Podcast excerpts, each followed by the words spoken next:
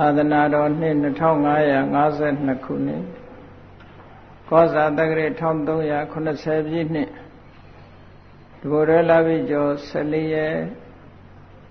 ရန်ကုန်တိုင်းဗဟန်းမြို့နယ်ခြားတော်ရလန်းမင်္ဂလာစေဓမ္မယုံတော်ကြီးအတွင်ဆင်းကျင်းပပြုလို့အပ်သည့်မြဝိယံဓမ္မသဘင်အခမ်းအနားဝယ်ဟောကြားအပ်သော ပဋ္ဌာန်းမြတ်ဒေသနာအပိုင်းလေးတရားတော်ရှင်ဘုန်းတော်သခင်ရှင်တော်မြတ်ဖရာဤမဟာကရုဏာကုံအာယုပြုကတိကျုဖွဲ့ဆိုအပ်သောဝန္ဒနာပနာမအာတိတဂါထာကိုယူဆုပူဇော်ခြင်းဖြင့်စတင်ကြရအောင်ယောကပကောတိဟိပိအပမေယံကာလံကရွန်တော်တိတုကရာနိ ခေရံကတောလောကဟိတယာနာထောနမောမဟာကရုဏိကတတတ္တာယောနာထောဝိနိယမြာစွာတတ္တဝါဤချမ်းသာစီးပါလိုလားတောင်းတဂုံပေါင်းခါသဖြင့်နာထမြညာခြင်းရှင်တော်မြတ်ဖရာသည်ကပ္ပကောတိဟိပိဂရေကဘာအရေးအတွက်သင်္ချာတို့ဖြင့်တော်လဲ အပေမေယံရည်တွေတိုင်းတာဖော်ပြခြင်းကမစွမ်းနိုင်ပါသောကာလံလေးအသင်ခြေသိမ့်နေကဘာရှိကြသောကာလပတ်လုံးလောကဣတယတတလောကဤအကျိုးစီးပွားအလုံးငါ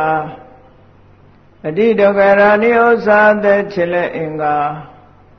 မေတ္တာကြီးမာသမိတာနှင့်တထာဇနီဆွန်ခြင်းကြီးဟု ကျက်တိထဘွယ်ငါးသွဲအစုအလုံးခဲရင်တော်မူလို့ကိုကရွန်တော်ဖျားဖြစ်ရန်ဤတန်ကြုတ်ကိုအထုတ်တော်မူရသည်ဖြစ်၍ခေရန်လက်ချေမျက်လုံးအသက်ဆုံးလည်းနှလုံးစေဝံကိုရောဤပြမန်းခြင်းတို့ကတောဘဝတဏ္ဏချိန်ခံများစွာရောက်တော်မူခဲ့ရရှာလေးပြီမ ဟာကရုဏီကတတတဝါများရင်ဝဲသားကဲ့သို့တနာချစ်ခင်မဟာကရုဏာရှင်ဖြစ်တော်မူသော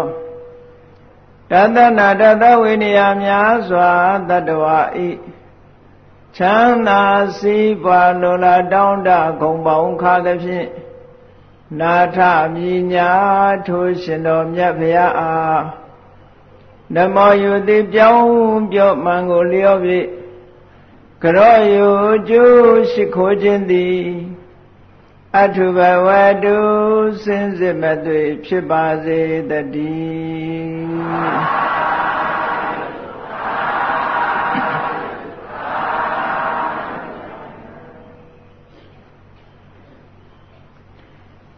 ပဋ္ဌာမြတ်ဒေသနာအပိုင်းလေးမှာအဓိပတိပစ္စယော ဒီကနေ့အဓိပတိပစ္စယော24ပစ္စည်းတွေကလွန်မိုးကြီးစိုးတဲ့ဓိပတိပစ္စည်းအကြောင်းကိုရှင်းလင်းပြီးတော့ဟောကြားပါမယ်အဓိပတိဆိုတာလွန်မိုးကြီးစိုးခြင်းလို့အဓိပ္ပာယ်ရ လူရဲ့စိတ်ကိုလွှမ်းမိုးကြီးစိုးနေတဲ့နေရာမှာတဘာဝတရား၄ခုဟာလူရဲ့စိတ်ကိုလွှမ်းမိုးကြီးစိုးထားတတ်တယ်။ကျန်တဲ့တဘာဝတရားတွေကဒီလောက်မလွှမ်းမိုးဘူး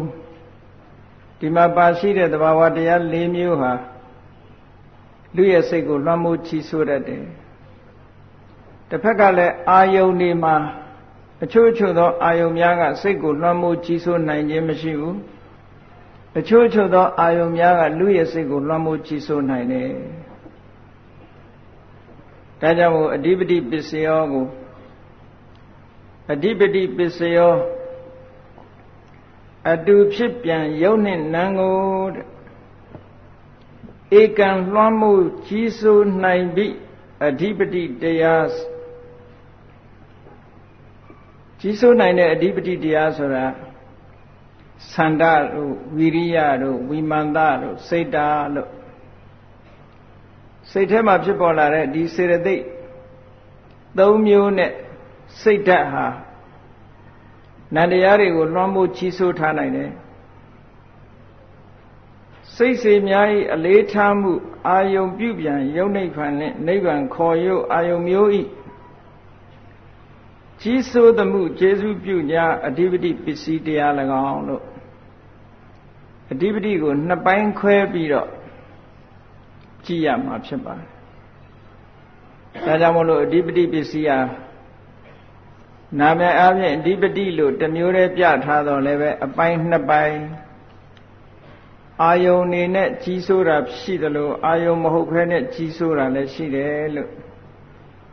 ဒါကြောင့်မို့လွှမ်းမိုးကြီးစိုးသောအားဖြင့်ယေရှုပြုတတ်တဲ့အကြောင်းတရား အဓိပတိဆိုတာလွှမ်းမိုးထားတာစိတ်ကိုလွှမ်းမိုးထားတယ်သို့မဟုတ်လွှမ်းမိုးထားတဲ့စိတ်ထဲမှာဖြစ်ပေါ်လာတဲ့သဘာဝတရားတွေအာယုန်တွေလွှမ်းမိုးကြီးစိုးတဲ့အနေအားဖြင့်မိမိနဲ့အတူဖြစ်ပက်တရားတွေကိုကျေစုပြုတတ်တဲ့အကြောင်းတရားကိုအဓိပတိပစ္စည်းလို့ခေါ်တယ်။အဓိပတိပစ္စည်းကိုမြတ်စွာဘုရားနှမျိုးခွဲဟောတယ်။ သဟဇာတာအဓိပတိသို့မဟုတ်သဟဇာတအဓိပတိသဟဇာတဆိုတာအတူဖြစ်လာတဲ့တရားတွေကိုမိမိနဲ့အတူဖြစ်ပြီးတော့အတူဖြစ်လာတဲ့တရားတွေကိုလွှမ်းမိုးထားတဲ့လွှမ်းမိုးကြီးစိုးနိုင်တဲ့သဘာဝတရားတဲ့အာရမဏာဓိပတိအာယုဖြစ်ပြီးတော့စိတ်ကိုလွှမ်းမိုးကြီးစိုးနိုင်တဲ့သဘာဝတရားလို့ဒီလိုနှမျိုးခွဲဟောတယ် အဲဒီမှာသဟဇာတာဓိပတိသဟဇာတာအတူတကွဖြစ်ပေါ်လာကြပြီးလွှမ်းမိုးကြီးစိုးတယ်ဆိုတဲ့သဘာဝတရားတွေဟာဘာတွေတုံးဆိုတော့အဓိပတိတရား၄ပါးအဓိပတိတရား၄ပါးဆိုတာသန္တာရဲ့ဝီရိယရဲ့ဝီမန္တရဲ့စိတ်တရဲ့လို့ဒီလိုအဓိပတိတရား၄မျိုးရှိတယ်လို့ အဲ့ဒီထဲမှာသန္တာရဲ့ဝီရိယရဲ့ဝီမန္တရဲ့ဆိုတာကစေရသိတ်တွေသန္တာဆိုတာအလုံးသိကြတဲ့အတိုင်းတခုကိုပြုလုပ်ခြင်းနဲ့ပြုလုပ်လိုတဲ့သဘာဝတရားသန္တာလောဘနဲ့ခတ်ဆင်တယ်ပေါ့လောဘနဲ့ခတ်ဆင်တယ်သို့တော့သန္တာနဲ့လောဘဆိုတာမတူတဲ့အချက်တွေအများကြီးရှိတယ်တူလည်းမတူဘူးပေါ့သန္တာဆိုတာ ပြုလုပ်ခြင်းတာလောဘဆိုတာလိုချင်မမောတာဝီရိယဆိုတာအလုံးသိကြတဲ့အတိုင်းကြိုးပမ်းအထောက်မှုတဲ့။နောက်ဝိမာန်သဆိုတာတော့အသိပညာစူးစမ်းဆင်ခြင်နိုင်တဲ့စွမ်းရည်တတ္တိပညာဒါကစေရသိက်တရားတွေစေရသိက်တရားတွေက စိတ်နဲ့စေရသိက်နှမျိုးကိုလွှမ်းမိုးကြီးစိုးထားနိုင်တယ်လို့ပဲစိတ်တတ္တကလည်းစေတသိက်တရားတွေကိုပြန်ပြီးတော့လွှမ်းမိုးကြီးစိုးနိုင်တာရှိတယ်အဲ့ဒါကြတော့စိတ်ဓာဓိပတိလို့ခေါ်တယ်ပေါ့နော်သန္တာအဓိပတိနဲ့တွဲပြီးတော့ခေါ်တဲ့အခါသန္တာဓိပတိ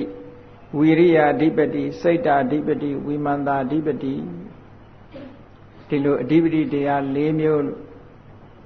အမတန်မှအစွမ်းထက်တဲ့တရား၄မျိုးဒီတရား၄မျိုးကအမတန်မှအစွမ်းထက်တယ်ဒါကသဟဇာတအဓိပတိပိုင်းကအာယုံပိုင်းကပြောမယ်ဆိုရင် တွေ့တာဆွဲမဲ့နှစ်သက်စရာအာယုံလေးနဲ့ပြီးတော့တိမ်မွေ့မွန်မြတ်တဲ့အာယုန်တွေဟာစိတ်ကိုလွှမ်းမိုးကြီးစိုးထားနိုင်တယ်တဲ့ဒါကြောင့်မို့သူတို့ကိုအာရမဏအဓိပတိလို့ခေါ်တယ် ပဋ္ဌာန်းဒေသနာတော်ကိုတည်တည်ချာချာအရင်မြင့်လေ့လာနေတဲ့ပုဂ္ဂိုလ်တွေဘုရားတော့ဆံရဆံရတန်းတွေကိုမှတ်သားရသို့တော့ပဋ္ဌာန်းဆိုတာဘယ်လိုလဲဆိုတာကိုနားလည်လို့တဲ့ပုဂ္ဂိုလ်ကြတော့ဒီတန်းတွေကအနှောက်အယှက်ဖြစ်ကောင်းဖြစ်လိမ့်စကလုံးတွေကအဲ့တော့အဲ့လိုမဖြစ်ရလေအောင်ခွဲခြားရှင်းလင်းပြီးတော့ဟောပါမယ်သာဇာတဓိပတိ ပါဠိတော်မှာမြတ်စွာဘုရားကသန္တာဓိပတိသန္တတံပြုတ်တကာနံဓမ္မာနံတံသမုဋ္ဌာနာနိသရူပနံအဓိပတိပစ္စေနပစ္စယောတဲ့ဟောအဓိပတိဆိုတာတစ်ခုတည်းရှိလို့တစ်ခုချင်းဟောရဆန္ဒကအဓိပတိဖြစ်နေတဲ့အခိုက်ကြံတဲ့ဟာတွေကအဓိပတိမဖြစ်ဘူးအဓိပတိဆိုတာတဦးတည်းရှိရမယ်နှစ်ဦးရှိရင်အဓိပတိပဲဟုတ်တော့နော်ပြိုင်ပဲဖြစ်သွား ဒါကြောင့်မို့အဓိပတိ၄ပါးကိုမြတ်စွာဘုရားတစ်ခုစီခွဲဟောတာသန္တာတိပတိသန္တတံမြုတ်တကနာဓမ္မနာတံသမုဋ္ဌာနာနိသရူပနာအဓိပတိပစ္စေနပစ္စယောသန္တာဓိပတိသန္တလို့ဆိုရတဲ့လွှမ်းမိုးကြီးစိုးနိုင်တဲ့သဘာဝတရားသည်သန္တတံယုတကနာသန္တနှင့်ရှင်တွဲ၍ဖြစ်ပေါ်လာတဲ့ဓမ္မနံစိတ်စေတသိက်တရားတို့အား၎င်း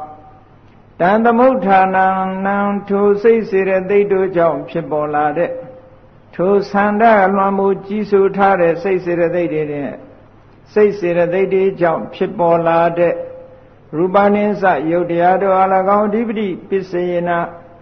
လွမ်းမိုးကြည်ဆိုထားနိုင်သောအဓိပတိတတ္တိဖြင့်ပစ္စယောဥပကာရကောကျေစုပြုတတ်သည်ဟောတိစင်စစ်မသွေဖြစ်ပါပေတော့ဤဒါမြတ်စွာဘုရားဟောတဲ့တရား အဲ့တော့နားလည်ရမှာကသန္တာကဘု து ဘောကြီးဆိုးတော့ဆိုစာလို့ပြောရင်ကတော့ဒီမှာတာဓိပတိဇောတို့ဘာတို့ဒီလိုရေးထားတယ်ပေါ့တာဓိပတိဇောဆိုတာအဓိပတိနဲ့တကွာဖြစ်တဲ့ဇောဆိုလိုတာကဒီအဓိပတိတရားတွေဟာသန္တာဆိုတဲ့စေတသိက်ကိုပြန်ပြီးတော့ကြည့်ကြည့်သန္တာဆိုတဲ့စေတသိက်ဟာစိတ်ပေါင်းဘလောက်ရှင်တုံးဆိုတာကိုကြည့်တော့ အကုသိုလ်စိတ်တွေမှာလည်းသူကရှင်တယ်ကုသိုလ်စိတ်တွေမှာလည်းရှင်တယ်ကရိယာစိတ်တွေမှာလည်းရှင်တယ်69မျိုးစိတ်တွေမှာရှင်ပေမဲ့လို့အဓိပတိအနေနဲ့ဖြစ်နိုင်တာတော့အားလုံးမှာမဟုတ်ဘူးတဲ့အကုန်လုံးမှာအဓိပတိမဖြစ်ဘူးအဲ့တော့ဒီတယုတ်တွေကိုတော့မပြောတော့ဘူးသန္တာဆိုတာလေးကသူသန္တာနဲ့အတူတကွဖြစ်ပေါ်လာတဲ့စိတ်သဘောထားတွေ ထိုစိတ်ကြောင့်စိတ်ကထုတ်လုပ်လိုက်တဲ့ရုပ်တရားတွေကိုသူကလွှမ်းမိုးချုပ်ကင်ထားနိုင်တယ်လို့ဘယ်လိုများလွှမ်းမိုးချုပ်ကင်ထားနိုင်တာတုံးလို့ရှိရင်သန္တာဆိုတဲ့သဘောလေးကိုအရင်ကြည့်သန္တာဟာလောဘမှုစိတ်မှာရှင်သည့်အတွက်ကြောင့်လောဘနဲ့ရှင်ပြီးတော့လည်းဖြစ်လာတတ်တယ်အဲ့ဒါကြတော့လောဘသန္တာတဏှာသန္တာလို့ခေါ်တယ်လူကျင်တဲ့သန္တာနော် အဲ့ဒီဆန္ဒဟာဒေါသမှုစိတ်မှာရှင်ပြီးတော့ဒေါသနဲ့တွဲလာလို့ရှိရင်မုန်းတီးပြီးတော့ရန်လိုတဲ့ဆန္ဒတတ်ခြင်းဖြတ်ခြင်းရိုက်ခြင်းနှက်ခြင်းတဲ့ဆန္ဒဖြစ်လာရှင်တွဲတဲ့သဘာဝတရားနဲ့သူကချုပ်ကင်ပြီးတော့လွှမ်းမိုးပြီးတော့ကြီးစိုးတာအေးကုသိုလ်စိတ်အလောဘတို့အရောဒတို့အမောဟတို့နဲ့ရှင်တွဲပြီးတော့လာတဲ့အခါဆိုလို့ရှိရင်ဒါနာကောင်းမှုပြုလို့တဲ့ဆန္ဒသီလစောင့်တည်လို့တဲ့ဆန္ဒ ဘာဝနာတရားပွားများအထုတ်လို့တဲ့စန္ဒာစံစိတ်တွေနဲ့ရှင်တွဲလာတဲ့အခါကျတော့ကောင်းကုန်းအာယုန်တွေကိုလုံးဝဖယ်ရှားပြီးတော့စံတရားနဲ့ပျော်မွေ့လို့တဲ့စန္ဒဟောမစိတ်တွေဖို့စိတ်တွေကြတော့ကိလေသာတွေကိုလုံးဝဖယ်ရှားပစ်လို့တဲ့စန္ဒဆိုပြီးတော့စန္ဒကဆံရဆံရသဘာဝတရားတွေနဲ့ရှင်တွဲလာတဲ့အတိုင်းသူကလွှမ်းမိုးပြီးတော့ကြီးစိုးထားတယ် တာမန်ဆန္ဒမဟုတ်ဘူးအလွန်ပြင်းထန်တဲ့ဆန္ဒဆန္ဒဟာယံပယံခါလောဘနဲ့သွားပြီးတော့ရောရတယ်လောဘနဲ့သွားပြီးတော့ရောဘာဖြစ်လို့လဲဆိုရင်မြန်မာလိုပြန်တော့သူကလည်းခြင်နဲ့ပြန်တာလူချင်းတယ်စားချင်းတယ်သွားချင်းတယ်အဲ့တော့လောဘနဲ့ရှင်တွဲလာရင်တော့လောဘသဘောပါတာပေါ့ သို့သောဆန္ဒတိုင်းဟာလောဘလားလို့ဆိုမဟုတ်ဘူးလူတယောက်ကိုရိုက်ချင်တယ်ကြတော့လောဘဟုတ်ပါမလားဟုတ်ဘူးတတ်ချင်တယ်ဖြတ်ချင်တယ်ကြတော့ရောလောဘမဟုတ်ဘူးဒေါသနဲ့တွဲလာတာအဲ့ဒီချင်းကသူရဲ့ပစ္စည်းကိုလိုချင်တယ်နှစ်သက်တယ်တတ်မဲ့တယ်ရယူချင်တယ်ဆိုတာကြတော့လောဘနဲ့လာတယ်လောဘနဲ့တွဲကောင်းမှုကုသိုလ်ပြုချင်တယ်ဆိုတာကြတော့အလောဘတို့ လူတွေချမ်းသာစေခြင်းတယ်ဆိုတာကြတော့အာရောဒနဲ့တွဲလာအမှန်တရားကိုသိခြင်းတယ်သိတယ်ဆိုတာကြတော့အမောဟနဲ့တွဲလာတယ်ဟော तू က तू ချင်တာကလောဘနဲ့မတူဘူးပေါ့တခါတည်းရ तू က အစွမ်းတတ္တိထက်လာပြီဆိုလို့ရှိရင်လောဘကိုလည်းအနိုင်ယူနိုင်တယ်ဒီဆန္ဒကကြည့်လေလူတယောက်ဆန္ဒပြင်းပြလာပြီဆိုလို့ရှိရင် သိမ့်ချီကုံကုံလှူနိုင်တယ်တန်းနိုင်တယ်ဆိုတာသူစိတ်ဆန္ဒရှိရင်လောက်တာပဲလောဘကဘာမှတတ်နိုင်တော့ဖះလောင်းနေဆိုလို့ရှိရင်ကြည့်ဖះဖြစ်ခြင်းနဲ့ဆန္ဒဖြစ်လာပြီဆိုတာနဲ့တပြိုင်နက်ဒါနကောင်းမှုလုပ်တဲ့အခါမှာပြင်ပသူပိုင်သမျှပစ္စည်းတွေအကုန်လုံးအိတ်သွန်ဖာမောက်အကုန်လုံးလှူတယ်ခန္ဓာကိုယ်ထဲမှာရှိတဲ့သွေးတွေသားတွေထုတ်လှူနိုင်တယ်နောက်ဆုံးအသက်ပါလှူနိုင်တယ်ဟော လောဘကိုတောင်မှဟောဒီဆန္ဒကဖယ်ရှားပြစ်နိုင်တယ်လွှမ်းမိုးလာပြီဆိုလို့ရှိရင် तू ကလောဘတဲ့အာကောင်းတယ်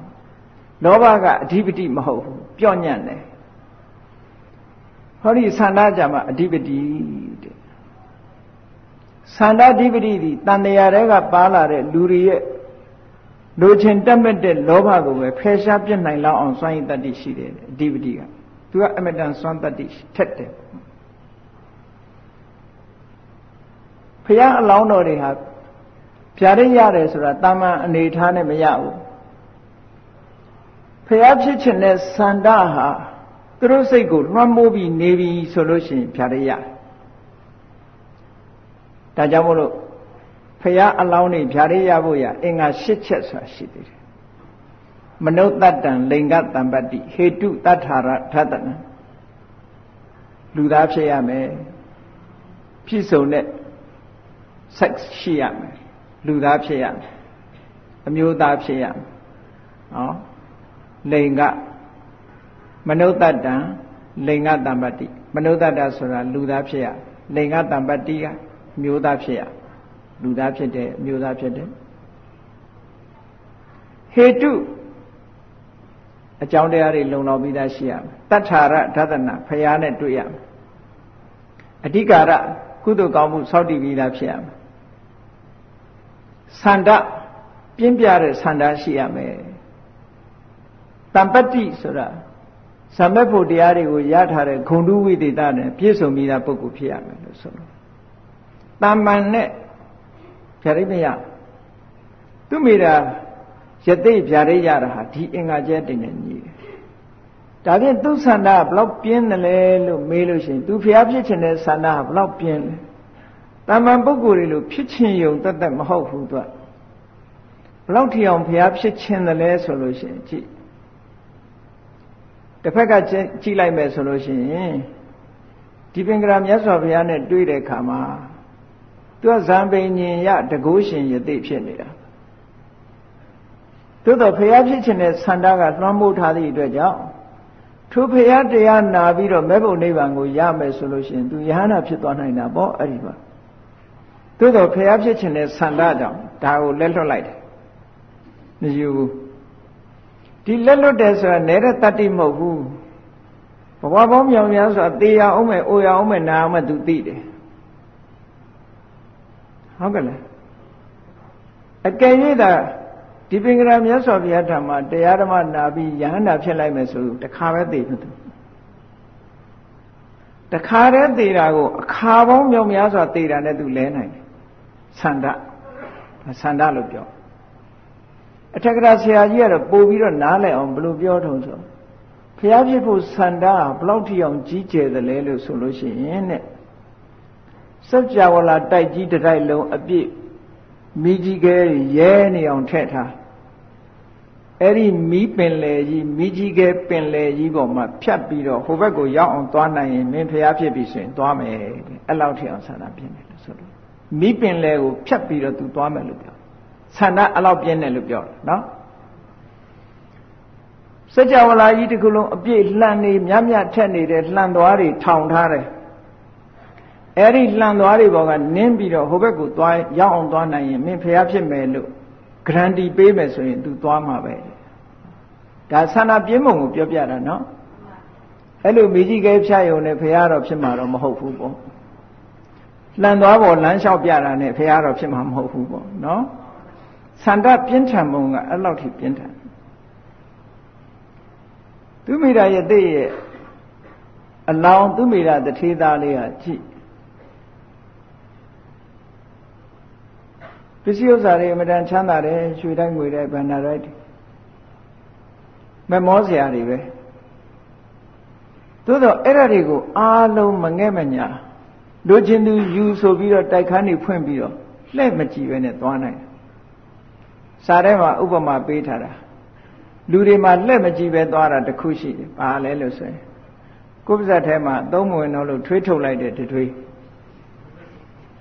ဟုတ်ကဲ့လားဒီမှာလှဲ့ကြည့်မနေဘူး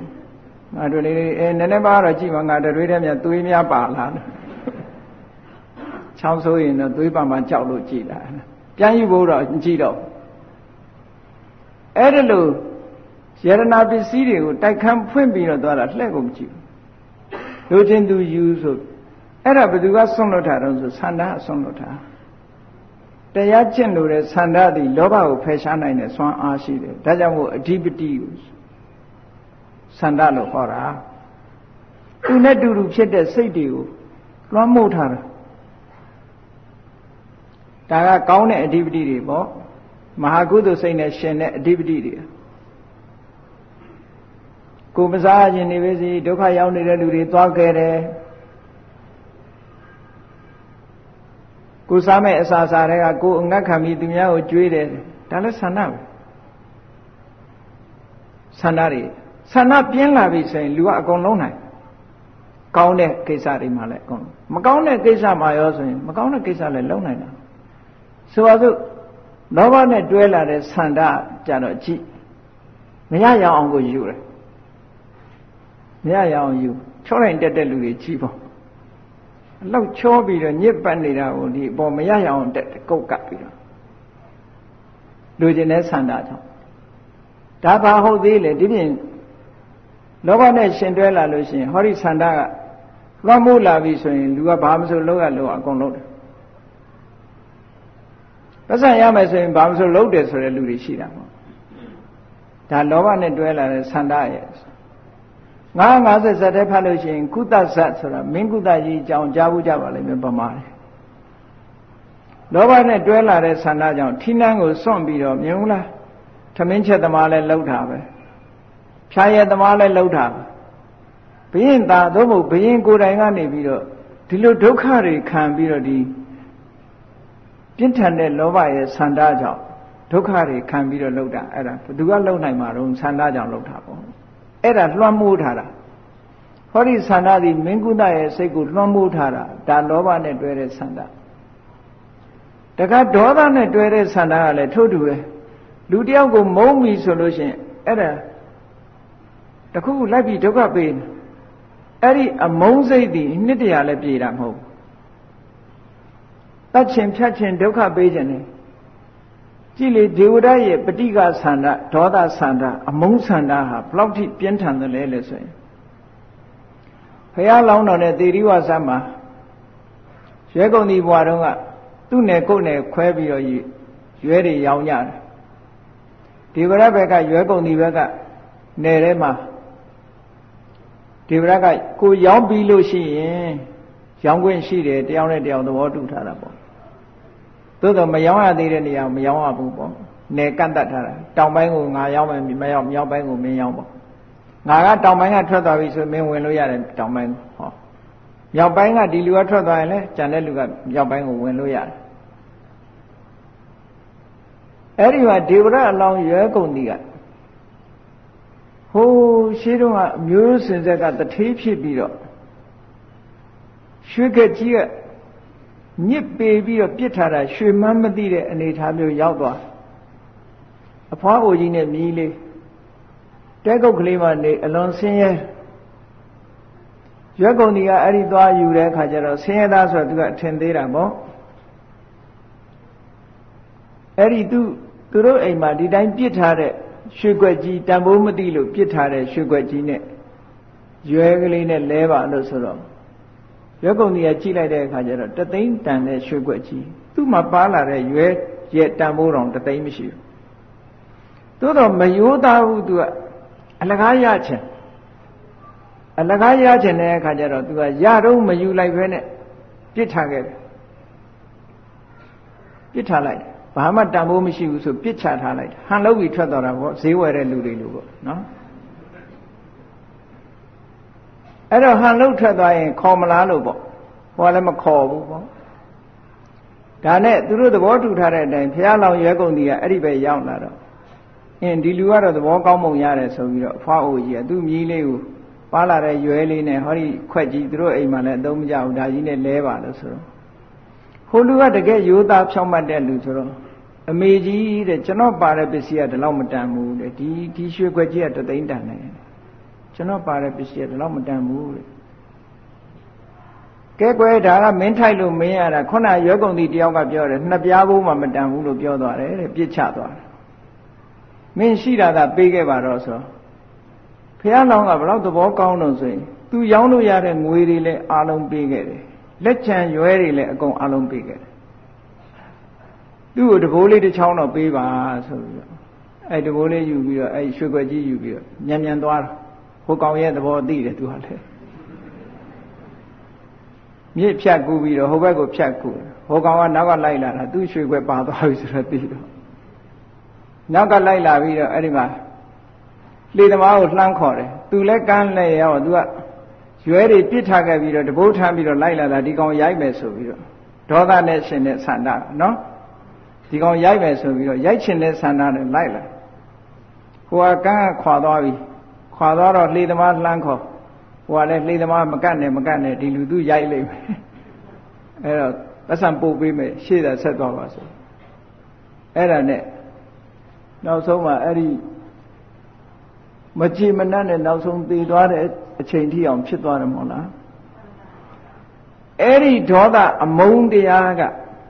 မုန်းလို့မုန်းယုံတယ်မဟုတ်ဘူး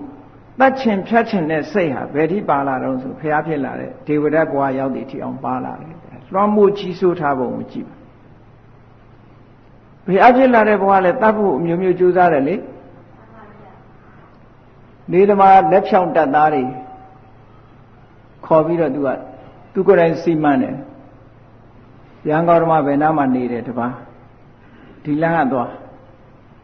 သွားပြီးလို့ရှိရင်မင်းအဲ့ဒီမှာ ရန်ကောဓမကိုလေးနဲ့ပြစ်ခဲ့ပြစ်ပြီးရင်မင်းဘယ်လမ်းကပြန်ခဲ့မှားထားတာသူကလည်းဟိုရင်လက်စဖြောက်ချင်အဲ့ဒီပထမဆုံးလွတ်လိုက်တဲ့လက်ဖြောင်းလေးသားလေးသားလေးသမားကိုမင်းဘယ်လမ်းကပြန်ခဲ့လို့မှားပြီးတော့အဲ့ဒီလမ်းမှာကြတော့လက်ဖြောင်းလေးသမားနှစ်ယောက်ချထားအဲလေးသမားတစ်ယောက်လာလိုက်မယ်အဲ့ဒီကောင်ကိုမင်းတို့ဖြောက်လိုက်နှစ်ယောက်ကနေပြီးတော့တတ်အောင် အဲ့ဒီနှစ်ယောက်ကိုလည်းတခြားလမ်းကပြန်ခိုင်းတယ်သူတို့ပြန်လာတဲ့လမ်းကို၄ယောက်ထားမလွတ်နိုင်အောင်လို့နဆတိုးတူထားအဲ့လူနှစ်ယောက်လာလိမ့်မယ်လာနှစ်ယောက်မင်းတို့တေးအောင်သာပြစ်တတ်၄ယောက်၄ယောက်ပြန်လာ၄ယောက်ကိုလည်းပဲသူကချိန်လိုက်တယ်ဘယ်လမ်းကပြန်လာတယ်အဲ့ဒီလမ်းမှာလည်းလူ၈ယောက်ချထားအဲ့ဒီနီးနဲ့တရားခံမပေါ်အောင်လုပ်တာဒေဝရညာကအဲ့တုန်းလေဖះ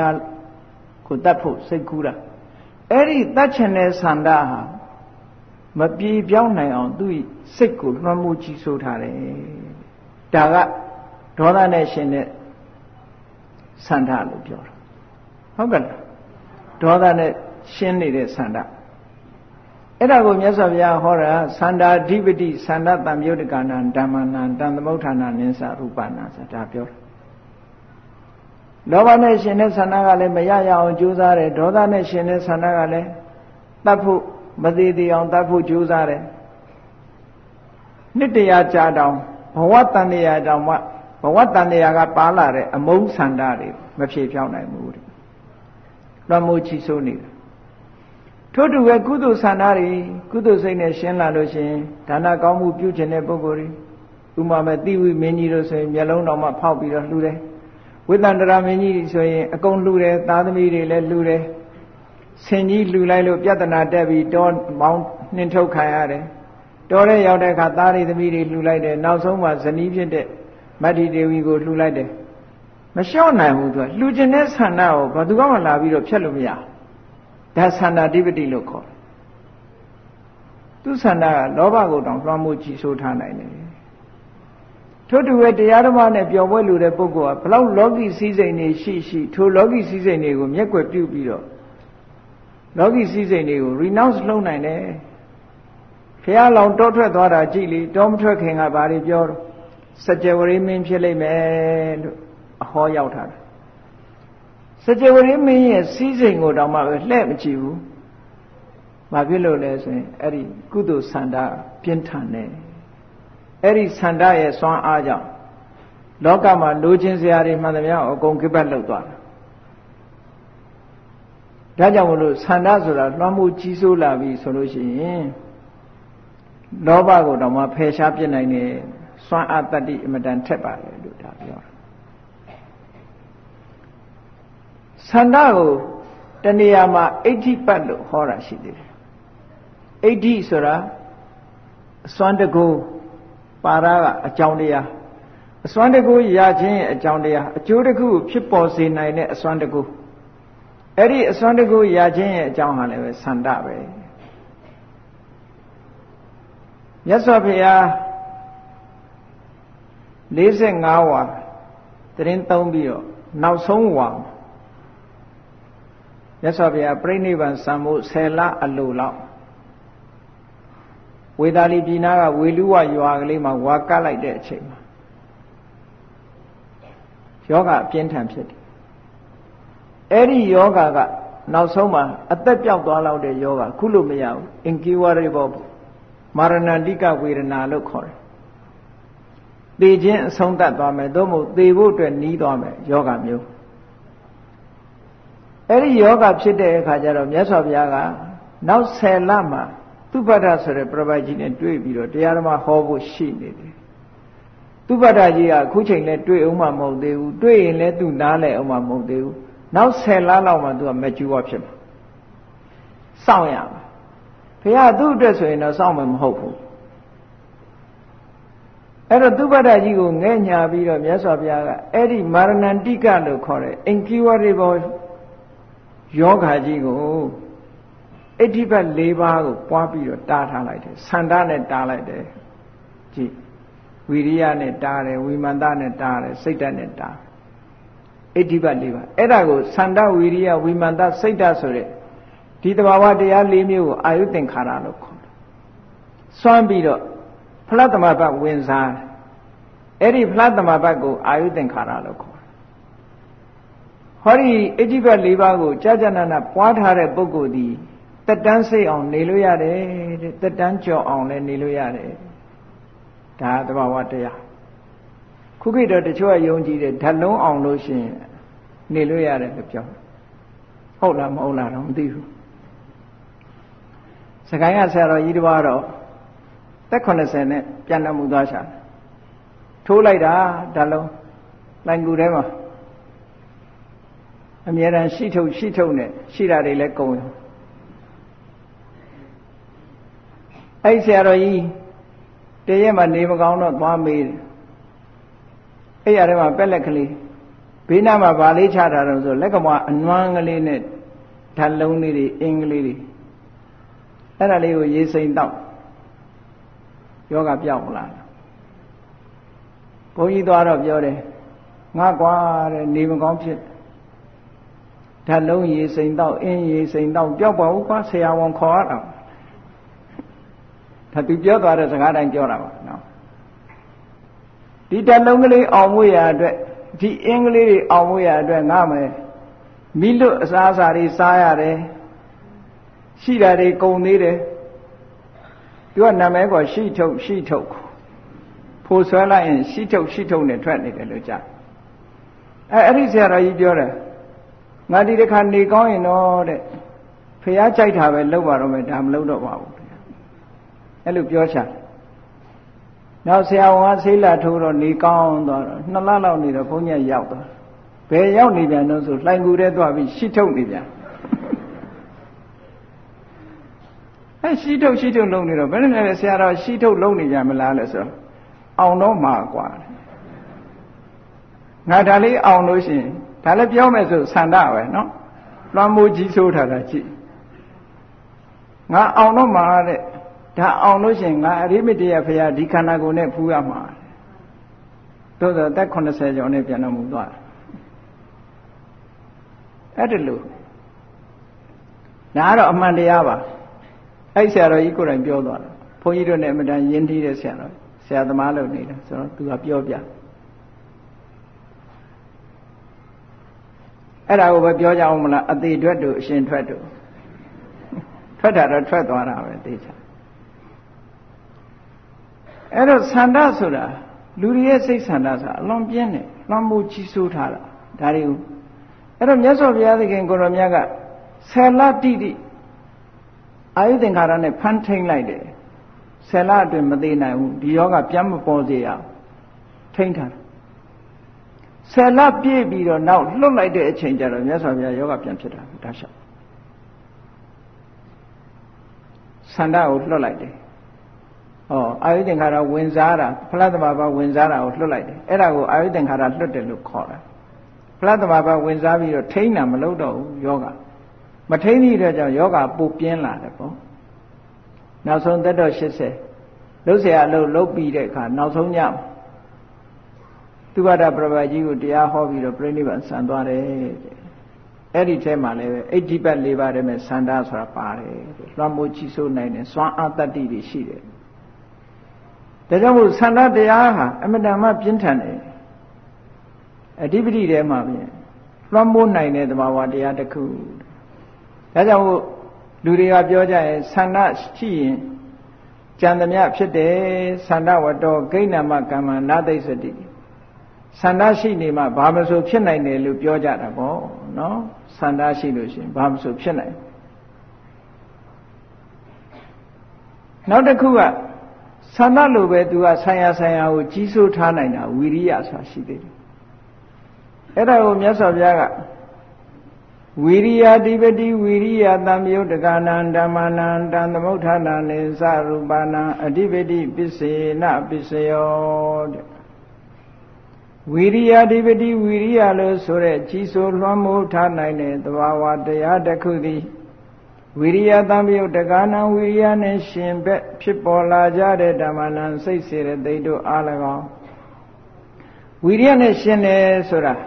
ရှင်တယ်ဆိုတဲ့စကားလုံးထဲမှာဘာတွေပါတော့ဆိုရင်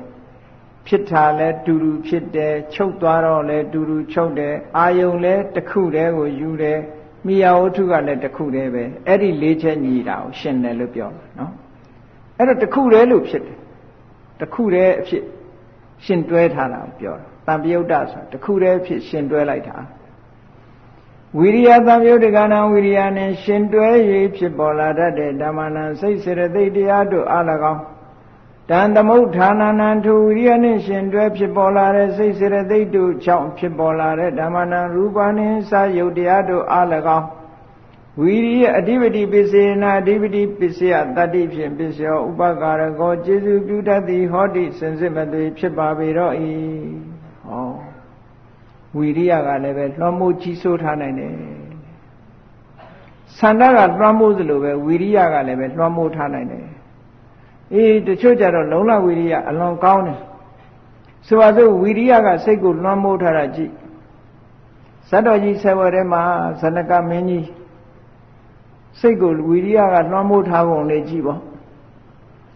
စဉ်းစားကြည့်လိုက်ပေါ့ပင်လေကြီးဆိုတာကမ်းလည်းမမြင်အောင်ကမ်းမမြင်အောင်မှန်သားပြီးတော့ကူးနေရ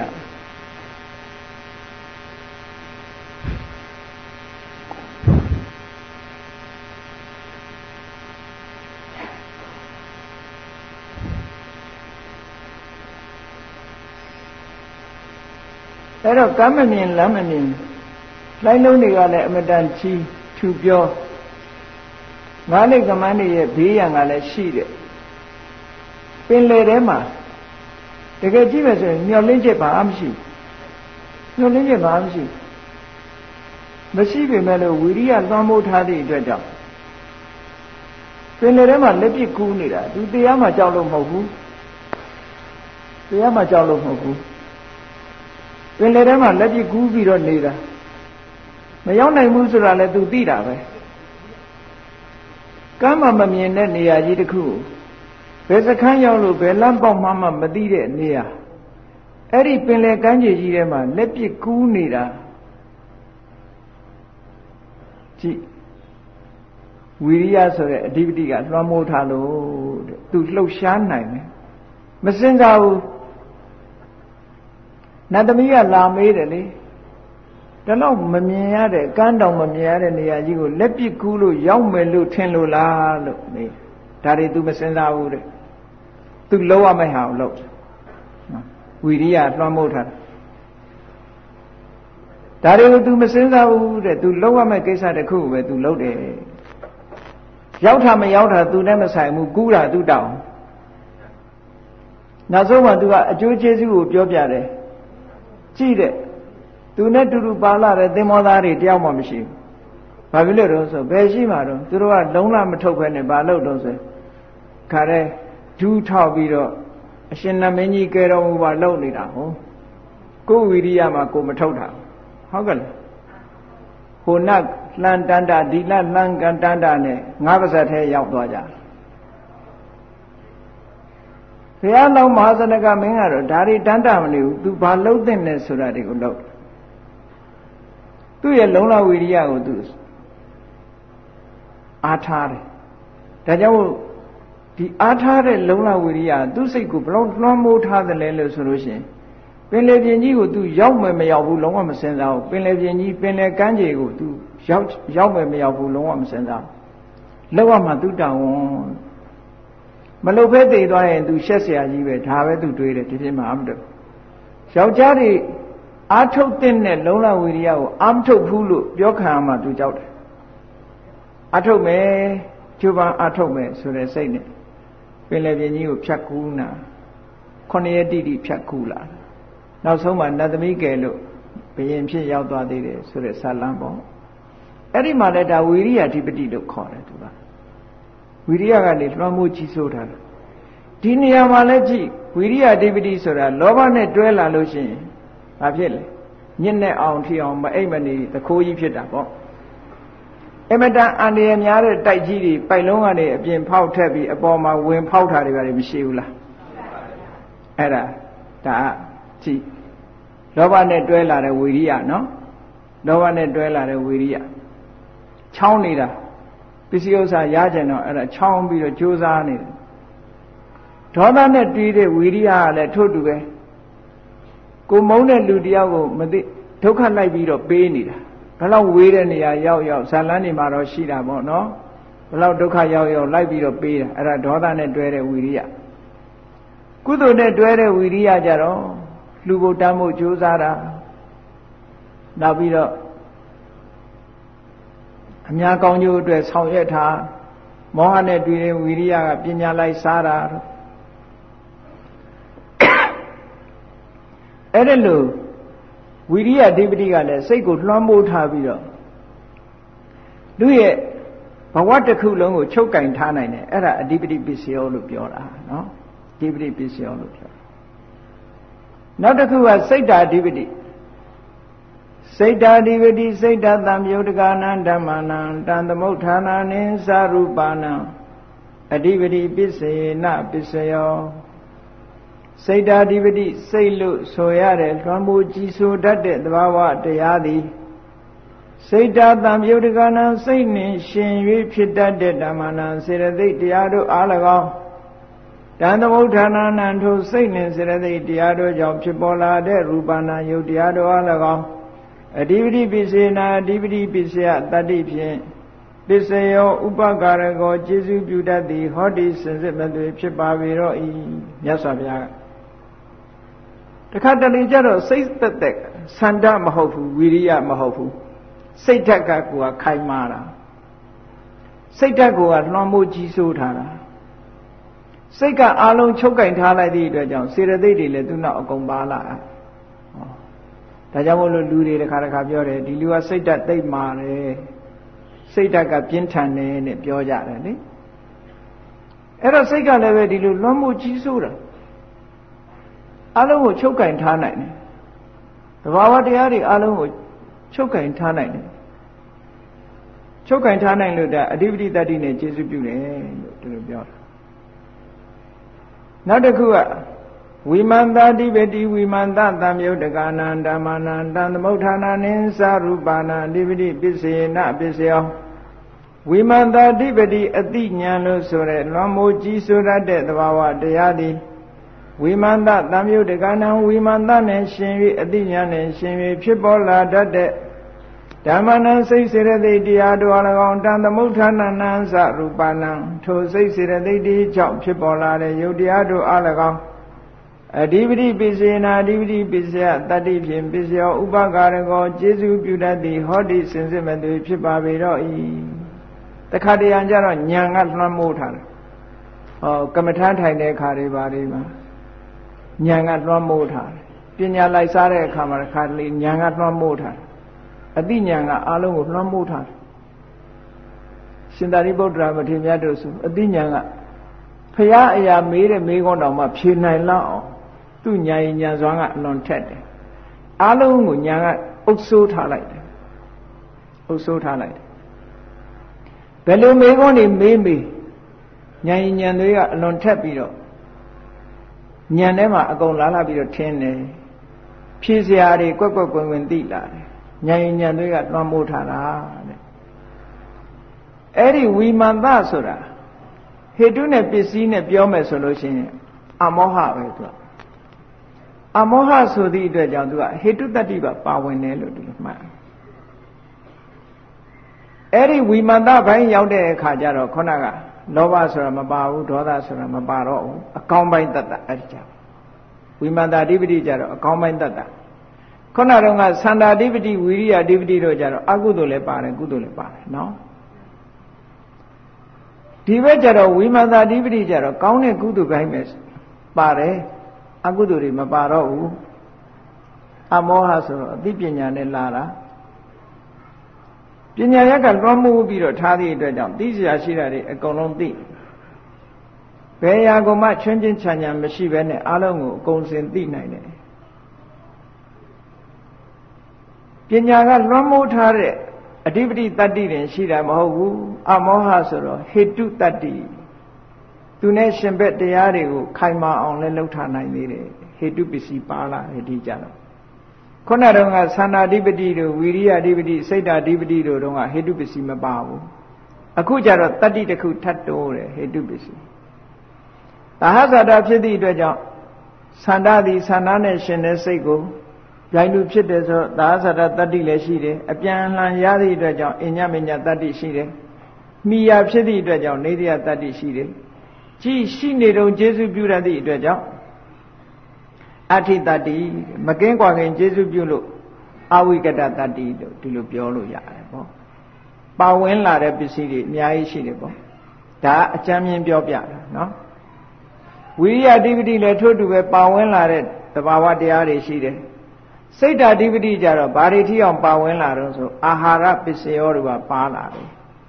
ဘာဖြစ်လို့တော့ဆိုဝိညာဏစိတ်ဆိုတာဝိညာဏ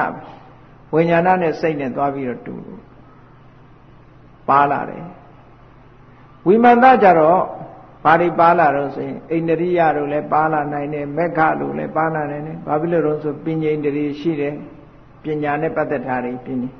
တရားဓမ္မဟာတစ်ခုနဲ့တစ်ခုပတ်သက်လာတွေတွေကိုကြည့်ပြီးတော့24ပစ္စည်းဟာအားလုံးတဘာဝချင်းတူပြီဆိုရင်ဆွဲပါသွားတာပဲအကုန်လုံးနော်အဲ့တော့ဒီ24ပစ္စည်းဆိုတာမြတ်စွာဘုရားကဘာကိုတယုတ်ဖော်တာတုံးလို့ဆိုသင်္ခါရကိုတယုတ်ဖော်တာပဲ ဘုရားကသင်္ခါရသင်္ခါရနဲ့ပြောနေတာဘာတုံးဆိုရင်သင်္ခါရတို့သင်္ခတတို့တန်ဆိုတာအကြောင်းတရားတွေကစုပေါင်းပြီးတော့ခါရသို့မဟုတ်ခတပြုလုပ်ထားတဲ့အကျိုးတရားတွေအကြောင်းတရားတွေမြောင်များစွာ ပေါင်းစုပြီးလှုပ်ဆောင်ထားတာလို့ဒီလိုပြောတာအခုဒါကြောင့်မို့လို့ပစ္စည်းဆိုတာတစ်ခုတည်းမဟုတ်ဘူး24ပစ္စည်းမှပစ္စည်းတစ်ခုတည်းတင်ပြောတာမဟုတ်ဘူး ကျန်တဲ့တတ္တိတွေပါဝင်ဆောင်ရွက်ထားတဲ့တတ္တိတွေအမြောက်များစွာတစ်ခုတစ်ခုဆိုလို့ရှိရင်အများကြီးရှိတယ်ပေါ့စွန့်ရည်တတ္တိချင်းမတူကြဘူးဘာဖြစ်လို့မတူလဲဆို function ချင်းမတူဘူးပေါ့သူရဲ့စွန့်ရည်တတ္တိလေးတွေဘယ်နေရာပဲဖြစ်ဖြစ်ဒီတိုင်းပဲလေလူတွေမှာမျက်စိပါတယ်နားပါတယ်နှာခေါင်းပါတယ်ဟုတ်လားရှားပါတယ်ခန္ဓာကိုယ်ပါတယ်ခြေတွေလက်တွေပါတယ်တစ်ခုနဲ့တစ်ခုဆောင်ရွက်ထားခြင်းတူမှမတူပဲ မျက်စိကမြင်မှုကိစ္စမှာဆောင်ရွက်တယ်ဒီပြင်နေရာမှာ तू မစွမ်းနိုင်ဘူး तू မကြားနိုင်ဘူး तू အနမ်းမရဘူးနော်မျက်စိကအနမ်းမရဘူး तू အရသာမသိဘူး ဒါကြောင့်မလို့ဟင်းလေးကောင်းမလားလို့နှိုက်ကြည့်လိုက်လို့ရှိရင်ရှာကမှဆုံးဖြတ်ပေးတာမျက်စိနဲ့သွားပြီးတော့ကြည့်တော့ကောင်းမယ်ထင်ပြီးသွားပြီးတော့ရှာတဲ့ရောက်တော့မကောင်းတာတွေအများကြီးတွေ့ချိုမယ်ထင်ပြီးသွားနိုင်လဲအခါဖြစ်ခြင်းဖြစ်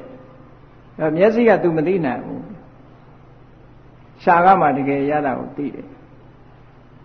ခန္ဓာကိုယ်နဲ့ထိတွေ့ရမယ့်ဟာကလည်းခန္ဓာကိုယ်ကမှသိတယ်မျက်စိကမသိဘူးအဲ့တော့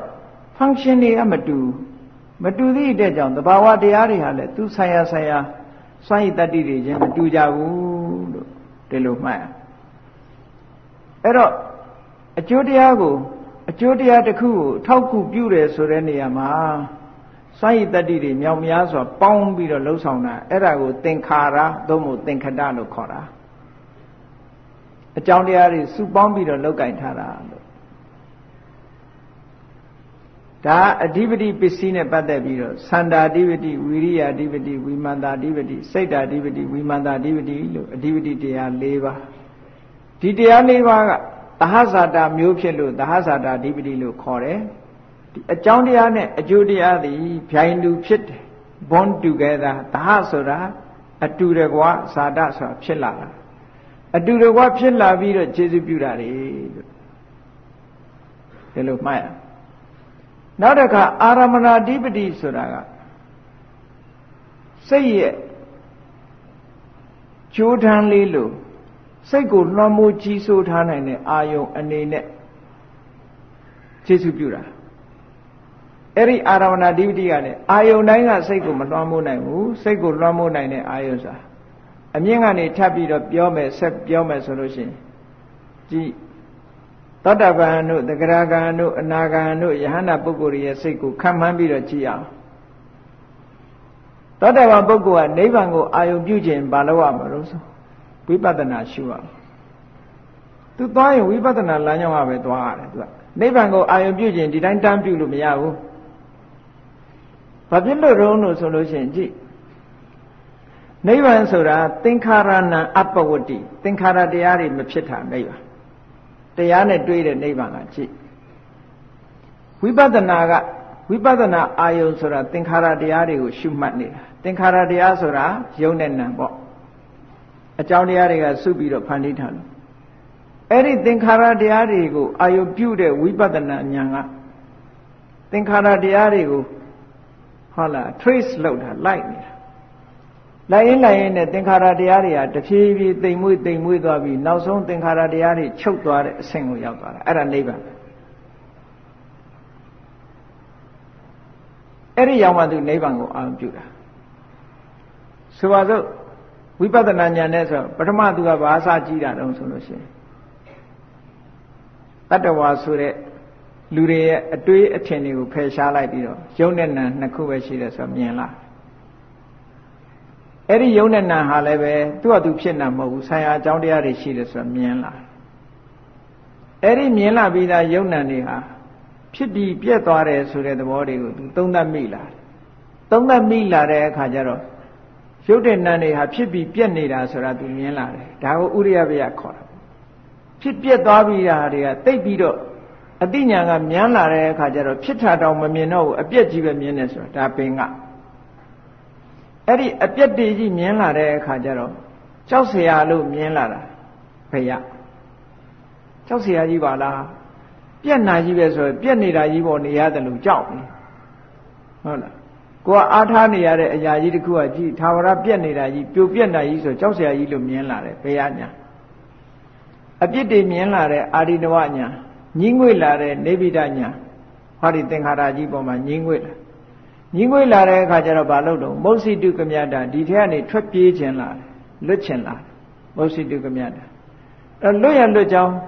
ဥပမာမဲ့အိမ်ထဲမှာလောင်ပိတ်ခံထားရတဲ့ပုဂ္ဂိုလ်တယောက်ဟာအိမ်ထဲကထွက်ခြင်းတယ်ဆိုရင်ဘယ်နေရာကထွက်လို့ရမလဲလိုက်ရှာတာပေါ့အဲ့ဒါလိုပဲဒီသင်္ခါရတွေကထွက်ပေါက်ရှာတဲ့အခါမှာဒီထဲမှာပဲပြန်ရှာပြန်ရှာတာကိုပဋိသင်္ခါညာလို့ခေါ်တယ် အဲပြန်ရှာတော့သူဘာတွေ့သွားတော့လို့ဆိုလို့ရှိရင်သင်္ခါရတရားတွေဟာဒီတိုင်းပဲသင်္ခါရတရားတွေပေါ်မှာငကောမုန်းနာတို့စိတ်စိတ်ပြက်စရာကောင်းတာတို့ဆိုတဲ့အတွေးတွေနဲ့နေရင်ကနေနောက်ကြတော့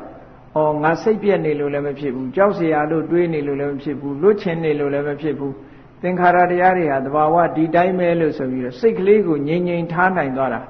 သင်္ခါရတရားတွေကိုလိုလားတဲ့စိတ်လည်းမရှိဘူးမုန်းတီးတဲ့စိတ်လည်းမရှိဘူးစိတ်ကလေးငြိမ်သွားတာ ဥပိ္ပခရှုနိုင်သွားတာဒါသင်္ခါရုပ္ပခညာလို့ခေါ်တယ်ချစ်ချင်းမုန်းချင်းကင်းသွားတာသင်္ခါရတရားတွေပေါ့အရင်ကလို့တွေ့တာလည်းမရှိတော့ဘူးစွန့်ပစ်ချင်တာလည်းမရှိတော့ဘူးစိတ်ကလေးကငြိမ်သွားတယ်အဲငြိမ်သွားတဲ့စိတ်ကလေးကမှညာနေရထက်လာတအားထက်လာချစ်ချင်းမုန်းချင်းဆိုတာတွေအနှောက်အယှက်ပေးနေလို့ရှိရင်ဘာနဲ့ဥမာတူလို့ဆိုရေထဲကိုခဲလေးချတဲ့ကလှိုင်းလေးတွေထနေတယ်လို့ပဲလှိုင်းလေးတွေထနေတဲ့ရေထဲမှာပေါ်တဲ့အရိပ်ဟာလှုပ်နေ အဲ့ဒါလိုပဲငြိမ်သက်သွားတဲ့ရေပြင်ပေါ်မှာထင်းလာတဲ့အယုတ်ဒီမလှုပ်ဘူးငြိမ်သွားတယ်သင်္ခါရုပ္ပခညာအဆင့်ရောက်သွားတဲ့အခါကျတော့မလှုပ်ဘူးငြိမ်သွားတယ်အဲ့ဒီကနေပြီးဆက်ပြီး trace လိုက်လိုက်တဲ့အခါကျတော့သင်္ခါရတရားတွေမဖြစ်တဲ့ချုပ်ဆုံးတဲ့နိဗ္ဗာန်ဆိုတာအမတန်တိမ်မွေ့နေနေတဲ့နိဗ္ဗာန်ကိုသူသွားတွေ့တယ်ဟောအဲ့ဒီနိဗ္ဗာန်ဒီဒီစိတ်ကိုလွှမ်းမိုးကြီးစိုးထားတယ်တတ္တဗံရဲ့တတ္တပတိဖို့စိတ်ကိုလွှမ်းမိုးကြီးစိုးထားတာဘ လောက်ထိလွှမ်းမိုးကြီးစိုးထားတော့ဆိုတော့အဲ့ဒီနိဗ္ဗာန်ဆိုတာလေးကိုအာရုံပြုနေလိုက်တဲ့အချိန်မှာတဏှာကြီးဆိုရင်တဏှာကြီးလုံးနိဗ္ဗာန်မငြိမ်ကြတယ်တဏီကုံဆိုတဏီကုံနိဗ္ဗာန်နဲ့ပဲနေတယ်ငြိမ်ကြသွားတယ်လွှမ်းမိုးထားတယ်အဲ့ဒါကိုအာရမဏဓိပတိပစ္စည်းလို့ခေါ်တာနော်နိဗ္ဗာန်သည်သောတပတ္တိဖို့စိတ်ကိုလွှမ်းမိုးထားတယ်နိဗ္ဗာန်ဆိုတဲ့အာယုံလေးသည်သောတပတ္တိဖို့ကိုလွှမ်းမိုးထားတယ်ထို့တူပဲ သောတပန်ကနေတဂရကံဖြစ်အောင်လုပ်ချင်လို့ရှိရင်လည်းဝိပဿနာရှုရတာပဲဝိပဿနာရှုရင်တဂရကံဖြစ်တယ်တဂရကံဖြစ်ပြီးတော့တဂရကံပြီးဖို့နဲ့နိဗ္ဗာန်ကိုသွားခြင်းမြန်ရင်လည်းဝိပဿနာလမ်းကြောင်းကပဲပြန်သွားတာပဲဝိပဿနာဉာဏ်ဒီအဆင့်မြင့်မြင့်မြင့်မြင့်ပြီးတော့သွားတာ level တွေ degree တွေကတိုးတက်သွားတယ်အဆင့်မြင့်သွားတယ်ထို့တူပဲတဂရကံကနေအနာဂံသွားရင်လည်းဝိပဿနာနဲ့ပဲသွားတယ် အနာဂံကနေပြီးတော့ယန္တာဖြစ်အောင်သွားရင်လည်းပဲဟောဒီဝိပဿနာနဲ့ပဲသွားတာပဲယန္တာဖြစ်ပြီးတဲ့နိဗ္ဗာန်နဲ့အာယုံပြုနေခြင်းပါတယ်လို့ဆိုလို့ရှိရင်လေဟောဒီဝိပဿနာကနေသွားပြီးတော့ခုနလိုသင်္ခါရတရားတွေကို trace နောက်ကနေပြီးသင်္ခါရတရားတွေကိုရှောက်ပြီးတော့သွားရင်ကနေအတိညာကအဆင့်ဆင့်မြင့်မြင့်မြင့်ပြီးနောက်ဆုံးသင်္ခါရတရားတွေကချုပ်သွားတဲ့အဆင့်လေးကိုမြင်လိုက်ရတာအဲ့ဒီမှာပဲစိတ်ကိုလွှမ်းမိုးထားတယ် တာမန်အချိန်မှနေမယ်ဆိုလို့ရှိရင်နိဗ္ဗာန်ကစိတ်ကိုလွှမ်းမိုးထားတာမရှိဘူးသောတပန်ပုဂ္ဂိုလ်လည်းပဲဒီတမဘဖလားတမဘဝင်စားတာမဟုတ်ဘူးဆိုရင်လူတမန်လိုပဲသူလဲ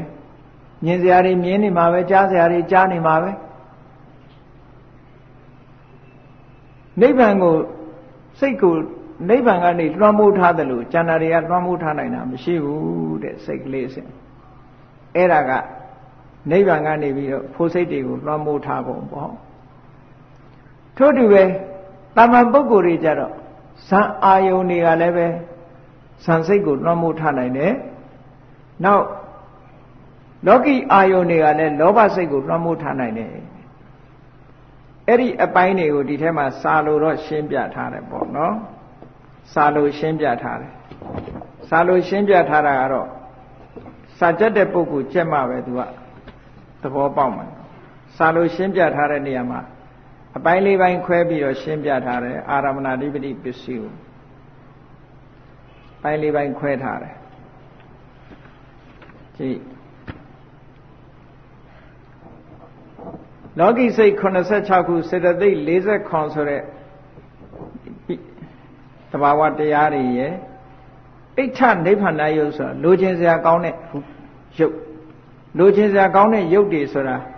လူတွေကမျက်စိနဲ့မြင်ရတာတို့နားနဲ့ကြားရတာတို့နှာခေါင်းနဲ့နမ်းရှုရအဲ့ဒါတွေအလုံးကိုပြောတာနော်လူချင်းစရာကောင်းတဲ့ယုတ်တွေက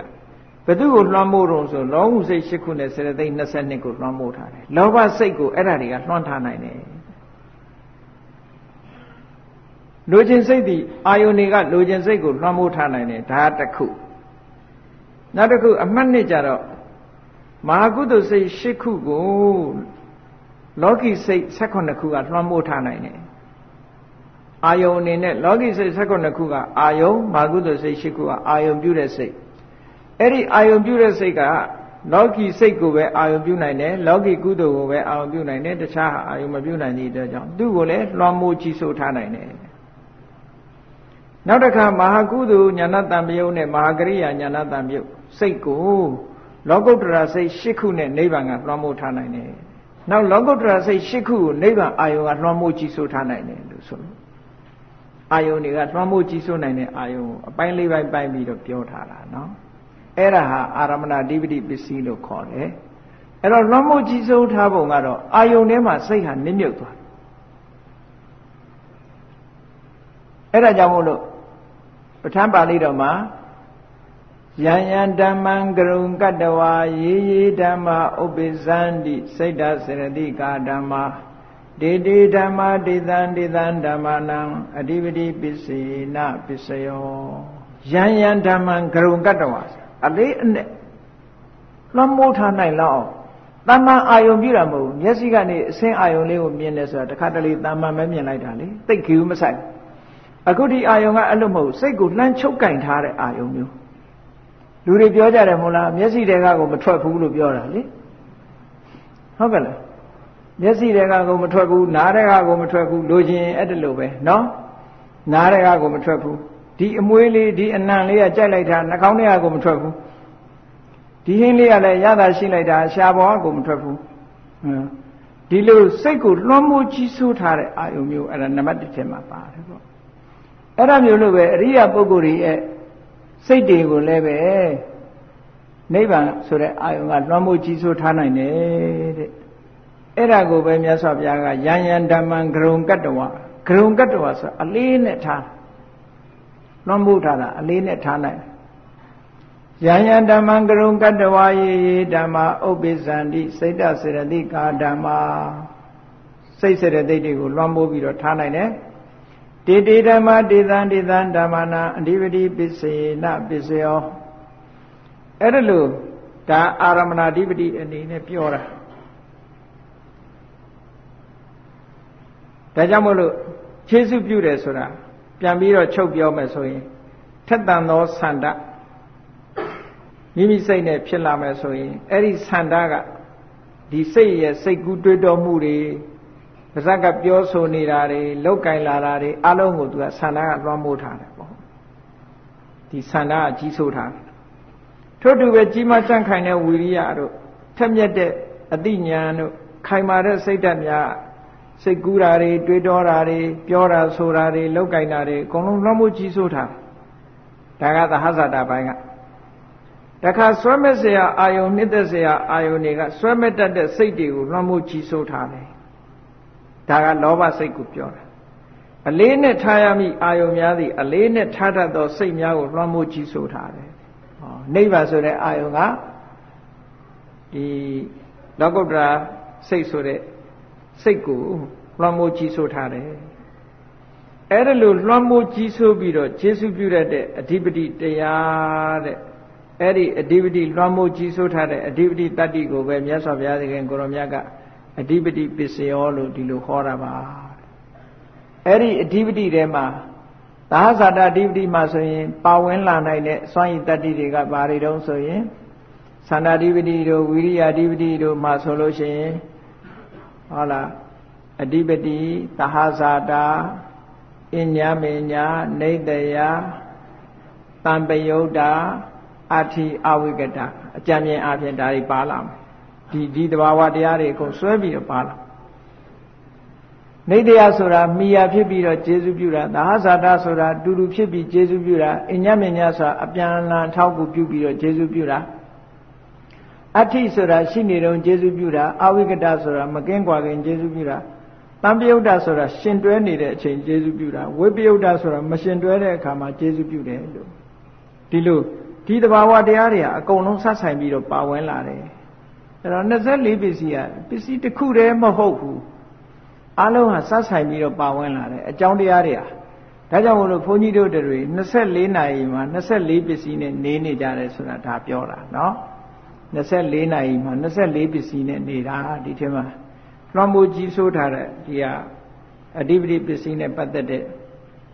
ဘုန်းကြီးတို့တရားချက်ခင်သူတော်စင်ပြိဿအပေါင်းတို့သည်ဘုရားမြတ်စွာဟောကြားတော်မူခဲ့တဲ့ထဲမှာအ ခုပြောတဲ့စန္ဒတို့ဝီရိယတို့ဝိမန္တတို့လို့ဆိုတဲ့ဒီသဘာဝတရားတွေမိမိတို့ရဲ့တဏ္ဍမှာစနစ်တကျလေ့လာပြုစုပြိုးထောင်ထားမယ်လောဘနဲ့တွဲလာမဲ့ဆန္ဒကိုတော့ဖယ်ရှားဖို့လိုတယ်ဒေါသနဲ့တွဲလာတဲ့ဆန္ဒကိုတော့ဖယ်ရှားဖို့လိုတယ်ဖယ်ရှားရတယ်ဆိုတာဆန္ဒကိုဖယ်ရှားတာမဟုတ်ဘူးလောဘကိုဖယ်ရှားရမှာနော်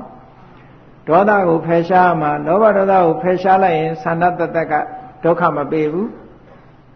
နောက်ပြီးတော့ကုသိုလ်မှာဆိုလို့ရှိရင်အာလောဘနဲ့တွဲလာတဲ့ဆန္ဒအာဒေါသနဲ့တွဲလာတဲ့ဆန္ဒအာမောဟနဲ့တွဲလာတဲ့ဆန္ဒတွေကကောင်းကျိုးချမ်းသာကိုဖြစ်ပွားစေမှာဇန်တရားတွေနဲ့ပတ်သက်လို့တွဲလာတဲ့ဆန္ဒကလည်းကောင်းကျိုးချမ်းသာကိုဖြစ်ပွားစေမှာပဲ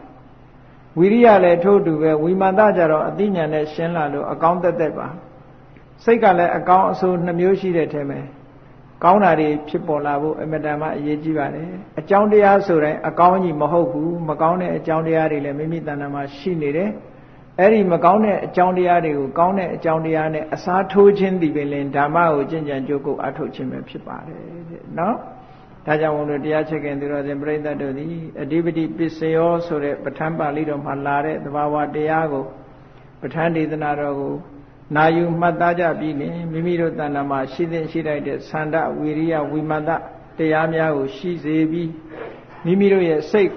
မကောင်းတဲ့အာယုံများရဲ့အလွှမ်းမိုးမခံရအောင်တတိထားပြီးကျင့်ကြံကြိုးကုပ်အားထုတ်တော်မူနိုင်ကြပါစေကုန်သတည်း